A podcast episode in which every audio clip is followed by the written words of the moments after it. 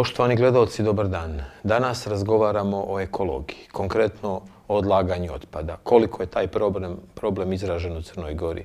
Na koji način ga riješiti?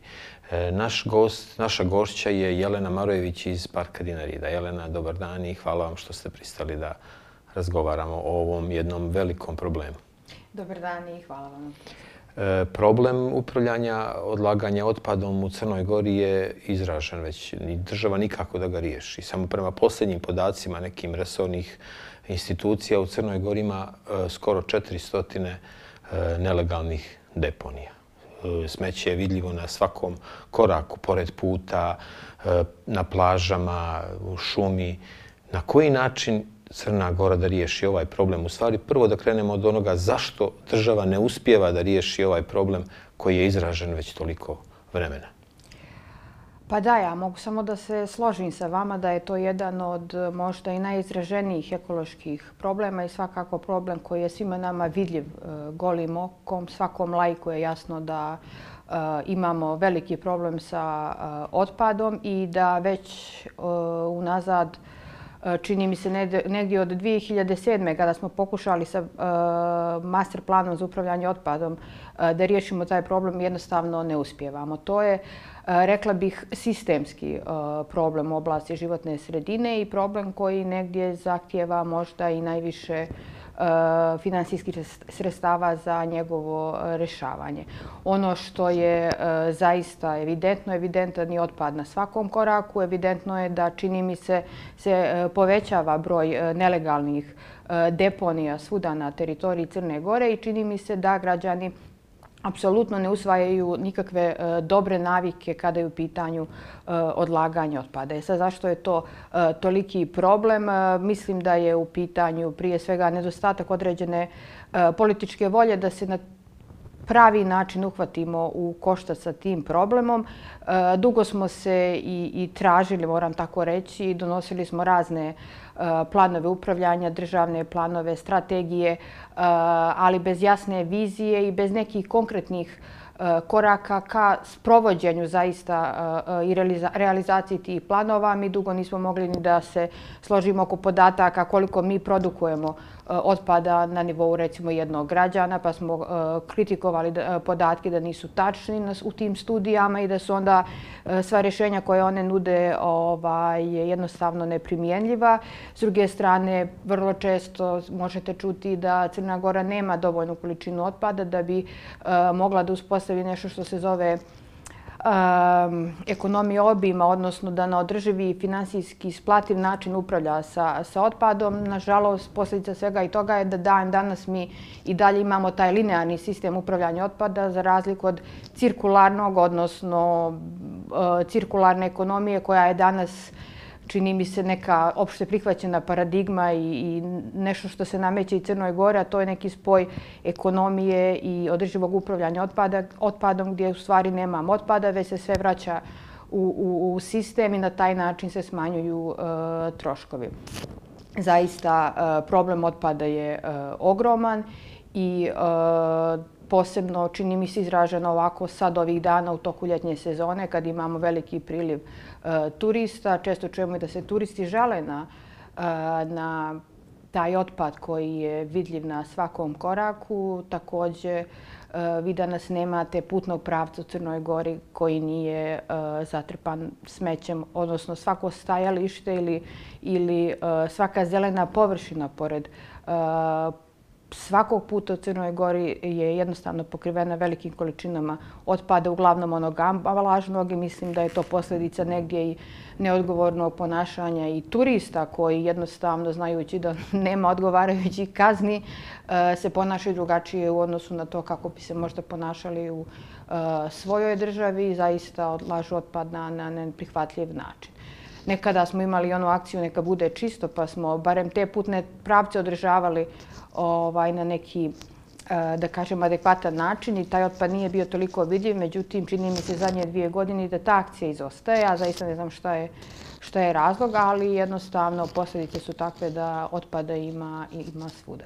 E, znači, prema izvještaju o sprovođenju državnog plana upravljanja otpadom u prošloj godini na sanitarnim deponijama u Podgorici i Baru odloženo je 140,766 hiljada tona komunalnog otpada.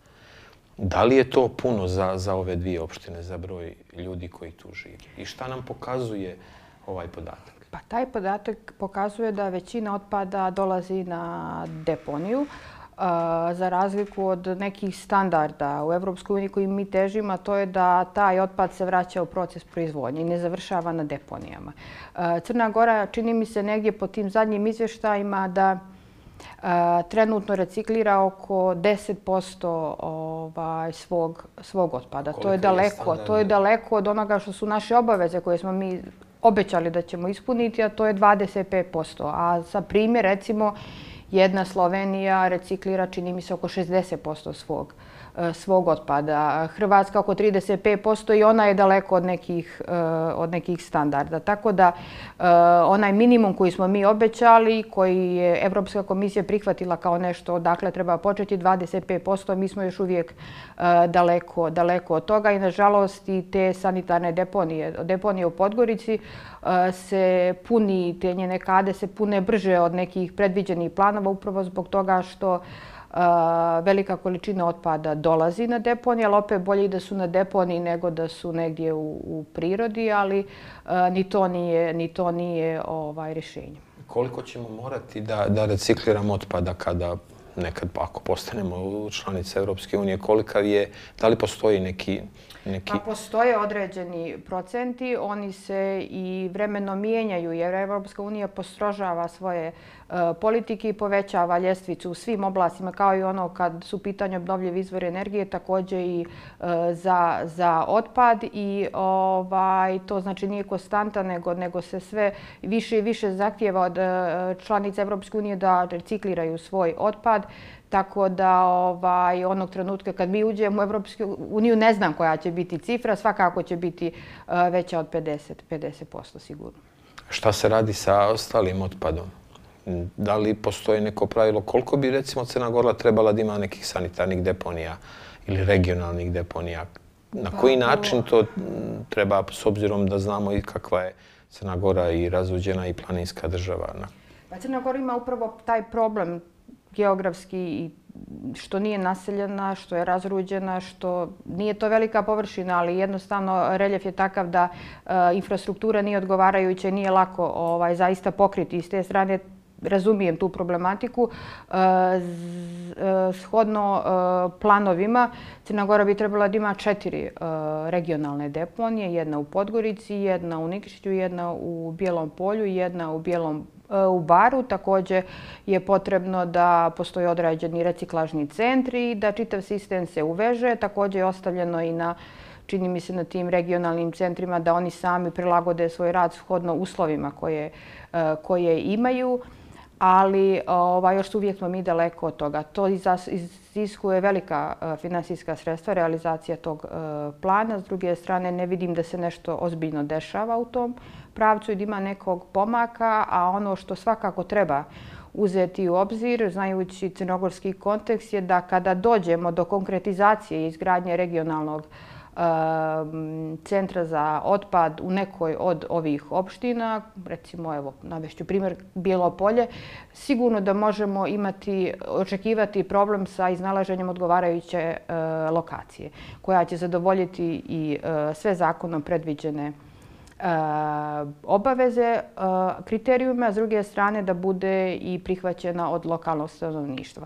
Nije lako, ni Sloveniji nije bilo lako da kada su u Ljubljani gradili E, svoj centar za, za tretman otpada, e, dobiju podršku lokalne zajednice. Bilo je dosta otpora jer su se ljudi plašili neprijatnih mirisa i kako će to utiče na njih. Međutim, danas ta deponija i taj centar je primjer kako to u stvari može i treba da, da izgleda. Pored toga se živi bez ikakvih eh, posljedica eh, po, po život i funkcionisanje ljudi ovaj, koji žive u blizini. Tako da eh, je tu ključna komunikacija. Nažalost, kod nas komunikacija sa centralnog nivoa, nivoa vlasti prema građanima u apsolutno svim segmentima društva izostaje, pa izostaje i u e, oblasti životne sredine. Znači, sa građanima treba razgovarati, treba pričati, treba ih edukovati, e, pružiti im blagovremeno sve informacije šta je to u stvari E, koji su benefiti e, određenih rešenja ili s druge strane koje su možda i neke loše strane i na koji način će se sve to prevazići jer nemate nikada e, rešenja koja su apsolutno samo donose samo nešto pozitivno, već se ponekad nešto treba i žrtvovati ili se naći neki kompromis ili sprovesti određene mjere da bi se neki mogući negativni efekti ovaj, neutralisali. Tako da, opet kažem, to je vrlo, vrlo kompleksno i zahtijeva izuzetnu e, volju i odlučnost sa centralnog nivoa, mislim na, na, resor, na resorno ministarstvo, da se zaista e, krene u e, realizaciju nečega što bi možda dovelo do održivog načina upravljanja otpadom u Crnoj Gori, ali do sada ja moram da kažem da, da su upravo ti odlučni koraci izostali. Mi nemamo ni ni ovaj konkretne planove, projekte za, barem ja ne znam, za, nisu prezentovane javnosti za te uh, reciklažne centre, na koji način ćemo obezbijediti ta sredstva. Uh, također, ja sjećam se i, i da je komunikacija između um, nivoa ministar, na odnosu, u odnosu ministarstvo i lokalna zajednica, odnosno lokalne samouprave, lokalne vlasti, izostalo vrijeme kada su se donosili planovi za za ovaj, eh, upravljanje otpadom u Crnoj Gori, jer smo različite opštine imali različito, i često drugačije viđenje u odnosu na ono što su bile negdje ideje eh, ministarstva. Tako da, Tako da tu je puno problema, vrlo je kompleksno, a bojim se da i tekako kasnimo u iznalaženju rešenja. Eh, mi imamo primjer reciklažnog centra na Šabljaku koji je napravljen prije ne znam, nekoliko godina, koji je za sve to vrijeme radio svega pola godine. I on stoji sad tamo, nikoga ne koristi. Da li to pokazuje da nije bilo volje da se pristupi rješavanju tog problema i onda i zbog čega nije bilo bolje ako volje da se to riješi ako u prefiksu naše države stoji prva ekološka država? Da li smo birali pogrešne kadrove na, na, za rukovodeća mjesta ili, ili je nešto drugo u pitanju?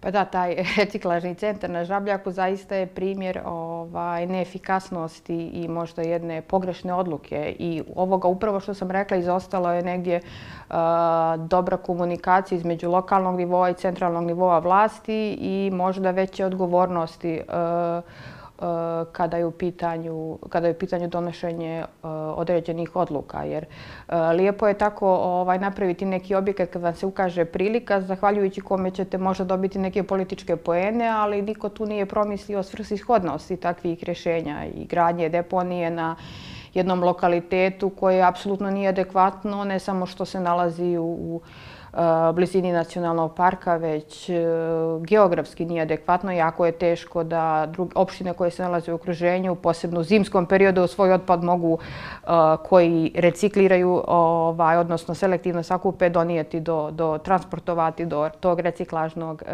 centra. Tako da to je zaista primjer ovaj, nekoordinacije između, između od različitih nivoa vlasti, ali također i, ja bih rekla, neodgovornog ponašanja i od neodgovornog trošenja sredstava. Vi ste dugo u nevladinom sektoru. Koliko je država imala sluha za sugestije koje su dolazile od nevladinog sektora?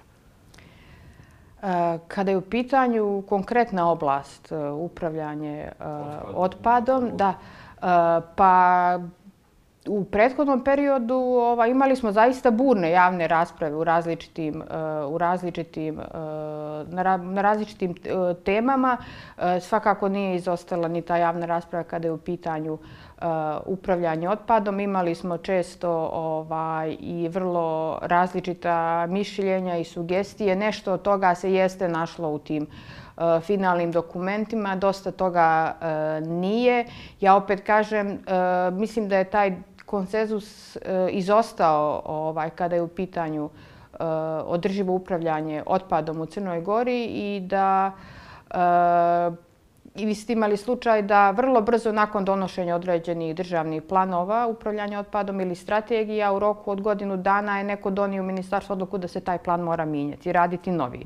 Znači, posljedica svega toga je bilo da su planovi bili ili loši ili, ili ovaj, neprimjenljivi, neizvodljivi i tako da smo, mogu reći, slobodno izgubili ogromno vrijeme uh, u traženju toga šta bi bilo optimalno za Crnu Goru Kada govorim o otpadu i o tim nelegalnim deponijama, jedna od pažnji, jedna od koje stvari koji privlače pažnju javnosti je deponija Mislov do u blizini Nikšće. Da li ste upoznati šta je problem kod te deponije? Ona svako malo gori već zadnjih deseta godina i nikako da se nađe rješenje za, za taj problem.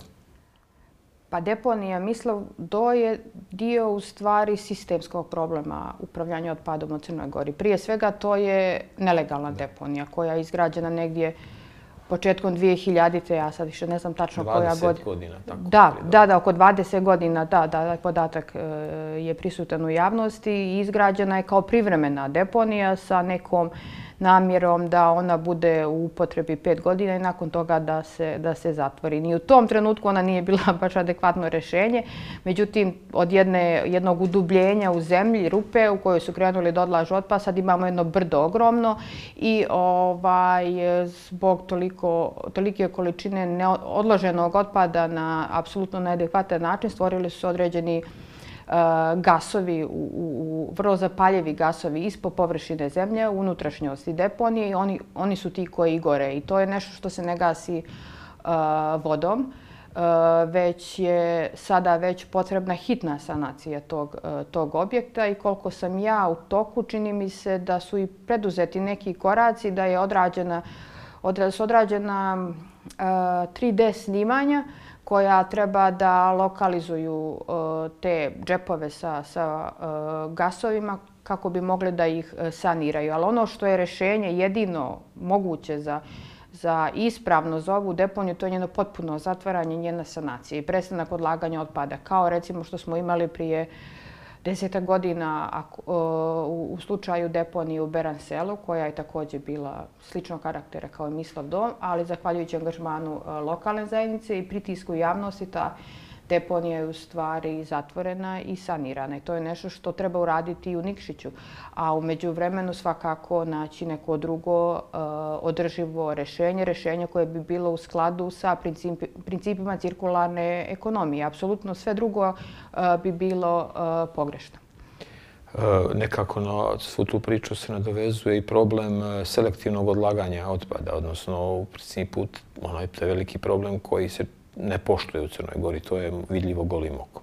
Šta je razlog tome što građani ne poštuju ako im na jednom kontejneru piše plastika, na drugom e, neki drugi materijal? Zašto je problem i zašto je teško rasporediti otpad iz, iz kese i baciti ga? Da li je to e, u našem mentalitetu? Da li, koliko smo mi kao građani krivi zbog, zbog svega toga? Pa mislim da je dosta teško očekivati da građani sami shvate da je nešto uh, bolje za njih u smislu odlaganja, selektivnog odlaganja otpada i da oni sami samo inicijativno krenu da odlažu taj, e, taj otpad na odgovarajući način. Mi imamo ovaj, po zakonu princip i obavez odlaganja uh, otpada u dvije frakcije. Jedna je suva, jedna je mokra frakcija i to je neki minimum koji uh, od koga je to Crna Gora odlučila da, da, da krene. Međutim, to apsolutno nije zaživilo. Neke od opština u Crnoj Gori imaju uspostavljene uh, E, djelimičnu infrastrukturu koja bi mogla da, da e, podrži takav sistem odlaganja otpada. Međutim, veliki broj opština čak i nema, ovaj, nego i dalje se koristi sistem odlaganja e, otpada u, u, jedinstven, na jedno, u jedinstvenu kantu, odnosno kontejner, tako da, da prije svega ne postoji odgovarajuća infrastruktura u većini Crne Gore za odlaganje otpada na selektivan način i to je ono što je možda prva stvar koja građane ovaj, jednostavno ne motiviše da, da odlažu otpad. S druge strane, eh, građani nisu ni u najvećoj mjeri upoznati da bi otpad trebalo odlagati na takav način. Znači, eh, izostala edukacija i pravovremena informacija prema građanima. Eh, treća stvar je da ne postoje određene Eh, određena motivacija ili neke mjere ili subvencije, bilo što što bi nas kao građane natjeralo ili motivisalo da, da odložimo otpad na eh, drugačiji način. A četvrto, mogu slobodno reći, to je potpuni izostanak bilo kakvih eh, kaznenih mjera, jer jednostavno uh, se u Crnoj Gori i sa nivoa politike ide ovaj, nekom linijom manjeg otpora i kupovino socijalnog mira, pa niko ne pokušava da sprovede kaznenu politiku i onda posljedica toga da e, svako odlaže otpad onako kako želi. Ja ipak mislim da je to jedan, način, jedan nivo u stvari vrsta e, uh, devijatno ponašanja. Znate, kad odlažete, kad imate potrebu da izbacite otpad iz vašeg automobila kroz prozor pored puta, to jednostavno nije, nije normalno ponašanje. Mislim i da je u pitanju prilično bahaćenje, jer mi svi plaćamo PDV ili mi svi ovaj, plaćamo struju. I tekako vodimo računa koliko ćemo potrošiti te struje da bi nam račun bio ovaj, na kraju mjeseca niži. E, ova kazna za neodgovorno ponašanje kada je u pitanju odlaganja otpada nije nešto što ćete vi svakog mjeseca platiti, nego ćete platiti ako se ponašate na način koji nije, nije ovaj, adekvatan i s te strane ne vidim uopšte ni jedan razlog da se ne, ne primjenjuje. E, sad, to je stvar što se e, takva rešenja odlažu i niko nema političke hrabrosti izgleda da, da uđe u, u, ovaj, e, u tu priču, tako da eto, vrijeme prolazi, a mi, a mi ovaj dalje odlažemo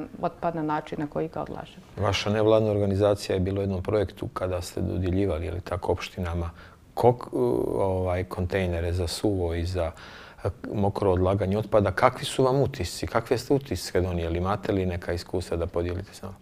Pa da, ovaj, iako smo mi organizacija. Parkovi Dinarida su organizacija koja se dominantno bavi zaštićenim područjima i pitanjem upravljanja zaštićenim područjima. Međutim, upravo smo prepoznali taj Eh, taj problem nelegalnog odlaganja otpada i u onom najljepšem što mi kao društvo imamo i ova država, to su ta zaštićena ovaj, područja i smatrali smo da je svrsishodno da radimo na, na tom pitanju i upravo smo počeli od Parka Pive 2020. Godine kada smo u saradnji sa tim parkom, opštinom Piva, e, Plužine i njihovim komunalnim preduzećem postavili kante za selektivno odlaganje otpada na većem broju lokacija u toj opštini i e, organizovali određene radionice u školi, pripremili edukativni materijal, e, podijelili ga ovaj, zajedno uz račune za za ovaj, odlaganje otpada i e, kontejneri dan danas, odnosno kante, stoje na svom mjestu, međutim ne postoji princip E, i građani ne odlažu selektivno taj otpad. S druge strane, ni opština nema adekvatno vozilo za e, prikupljanje e, e, otpada na, na odvojen način, tako da opet sve to i što se odvoji završi na istom mjestu. E, tako da je to onaj problem koji sam pomenula na početku, a to je da E, da ovaj, građani nemaju primjer iz kog će da vide na koji način treba da, da e, reaguju, ali ja i dalje mislim da upravo treba početi od malog i da su takvi primjeri male opštine, mali mikrolokaliteti nešto na čemu treba početi, e, početi raditi. Nakon toga smo također ove godine postavili tu infrastrukturu i u Nacionalnom parku Biogradska gora i Nacionalnom parku Prokletije na više lokacija. Postavili smo kante i uh, Eh, sa određenim informacijama, prije svega za posjetioce, eh, na koji način u stvari treba da odlože taj otpad. Eh, to, je, to se desilo baš nedavno, prije 20 dana. Još nema informaciju kako su to turisti prihvatili, ovaj, pa eto ne mogu je podijeliti sa vama kako to sve funkcioniš i koliko stranci možda vode bolje i više računa o tome nego, nego mi kao, kao građani koji bi ima u stvari naša država trebala bude na prvom mjestu, ali eto ovaj, i dalje mislim da, da je to način da treba početi raditi sa eh, malim zajednicama, na, na nekim primjerima, na, odnosno u, na lokacijama na kojima je moguće i pokazati kako se to radi, postignuti određene rezultate i biti eh, kao neki piloti za, za izdizanje na veći nivo. Jedan od problema su i otpadne vode u glavnom gradu se i čak i u širem centru ponekad se osjeća neprijatan miris. Koliko je problem otpadnih voda prisutan u Crnoj Gori i zašto on, i on ostaje neriješen? Pa da, ovaj, Crna Gora je tek ušla u priču izgradnje e, sistema za pričišćavanje otpadnih voda i tu opet imamo raznu problematiku. E, To je svakako zajedno sa komunalnim čvrstim otpadom, znači e, izuzetno e, skupa i zahtjevna oblast i zahtjeva prije svega dobru e, tehničku i projektnu pripremljenost, a onda i, i e, vještinu da se obezbijete određena sredstva kroz, kroz određene fondove. Ukoliko nemate novca da sami finansirate takve, takve projekte počelo se, jeste se počelo, neki gradovi su napravili svoje e, sisteme za, e, za prečišćavanje, oni su još uvijek u nekoj tesnoj fazi, tu se također i kod onih kod kojih funkcioniše pojavio i problem otpadnog mulja koji, koji ovaj, je posebna, posebna ovaj, priča ali e, i tu imamo i evo vidimo na primjeru Podgorice koja mora da radi novi e,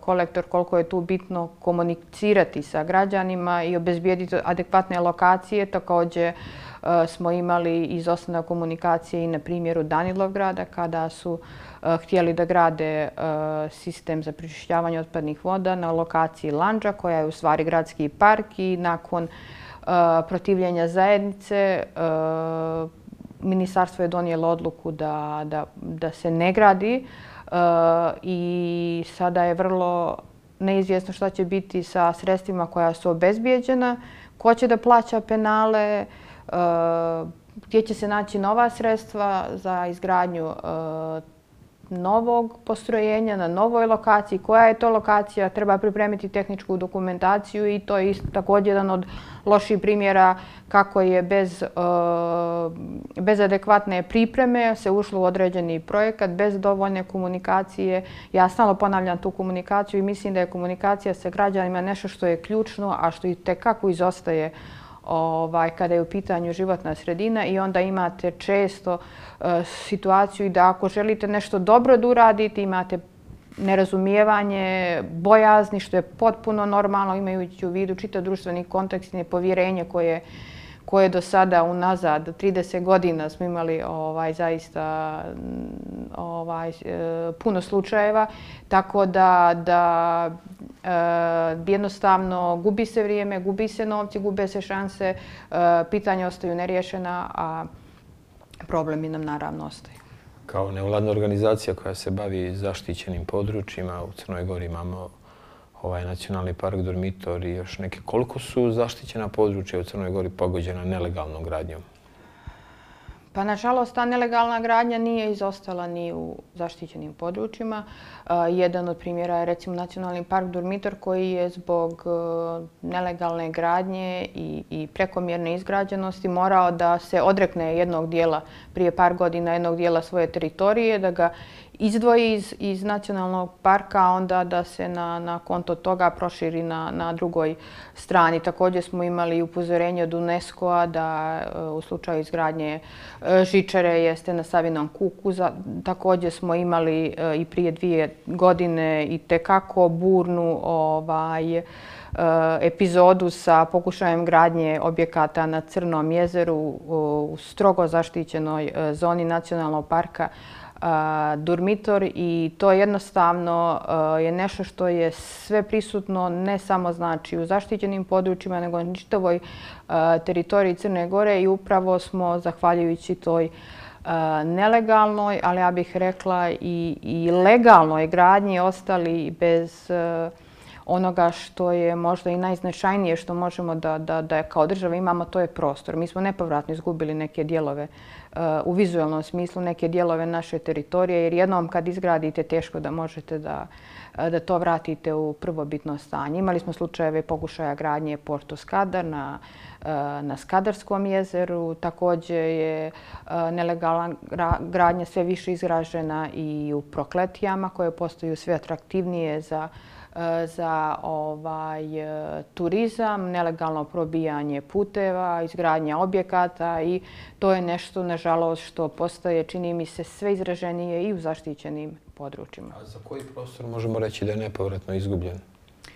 Pa mi smo izgubili, ja mogu reći, sa mog e, stanovišta, možda ja griješim, ali za mene su neki dijelovi naše obale ovaj, trajno devastirani. Mi smo nekad imali mnogo e, lijepu obalu, međutim, izgrađenost, preizgrađenost, tu se ne radi samo i o nelegalnoj gradnji. Mi smo dozvolili ovaj, da preplaniramo neke uh, prostore, da e, slušamo i da se povinujemo e, željama investitora, vlasnika parcela. Danas na svakoj parceli svaki vlasnik može da podnese e, zahtjev za gradnju, da mu se dozvoli gradnja i onda imate na jednom maloj teritoriji veliki broj objekata koji je svaki izgrađen na svoj način, ne vodeći računa o spratnosti, o vizualnom izgledu svega toga i onda se vi nakon toga dovijavate kako da provučete neku, recimo, saobraćajnu infrastrukturu kroz neki blok zgrada koji je izgrađen prilično ovaj, e, neplanski. Evo, recimo, naj, najbolji slučaj je, i ne moram ići dalje od e, našeg naselja u Podgorici, Ljubović, koji je apsolutno preplaniran, pregrađen i, i, ovaj, e, i te kako je teško snaći se tamo i pješaku i, i vozaču danas da prođete između tih zgrada. I imali smo slučajeva i korupcije i nelegalne gradnje i legalne gradnje, ali sve u svemu je to dovelo do određenog urbanističkog haosa koji koji ovaj nažalost nije e, jedini, ima ima dosta takvih e, primjera, imamo primjer i recimo Malog brda u Podgorici.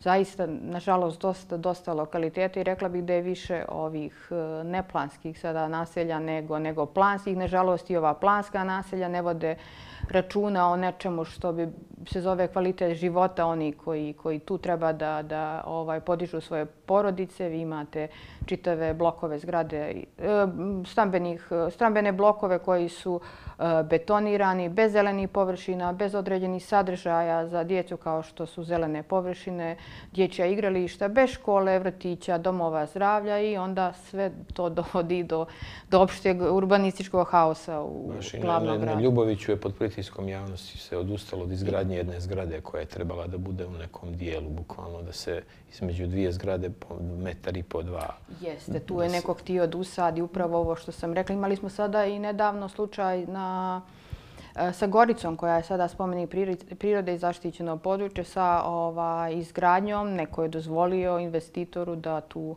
ovaj, krene sa gradnjom. Sad imamo i pritisak javnosti. Još uvijek taj slučaj nije savršen, Potrebno je odraditi zamjenu parcela i i da naći novu parcelu koja bi bila adekvatna za sve ono što je negdje dobit koju investitor računao da će ostvariti zgradnom objekta za koji je dobio dozvolu, a ta sada apsolutno nije moguće graditi na toj lokaciji i ovaj, opet je tu trebalo i pritiska javnosti, ali evo još uvijek nemamo do kraja završenu priču, vidjet ćemo šta će biti sa tim. Da li smatrate da su zakoni koji se donose iz oblasti urbanizma adekvatni? Ili bih trebalo prilagoditi da ne bi dolazili ovakve? Pa da su adekvatni zakoni, da su adekvatni sprovođenje njihovo i možda ove inspekcijski nadzor i njihovi kapaciteti, vjerovatno ne bi bilo u ovoj situaciji. Mi smo prije jedno pet godina, čini mi se, mijenjali ovaj zakon. U toj oblasti ne vidim da je došlo do ovaj, nekog popećanja. Naprotiv, imamo sve više i više slučajeva.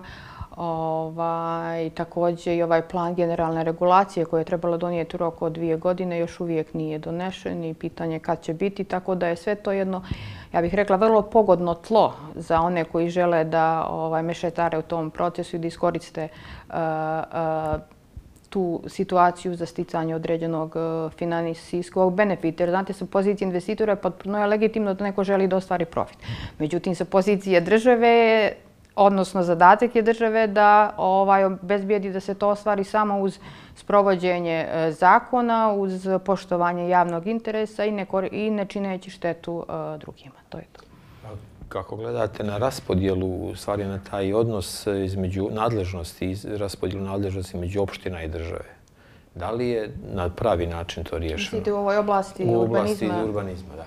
A mislite na ovo što se desila centralizacija i što su se u stvari neke nadležnosti iz, sa nivoa lokalnih?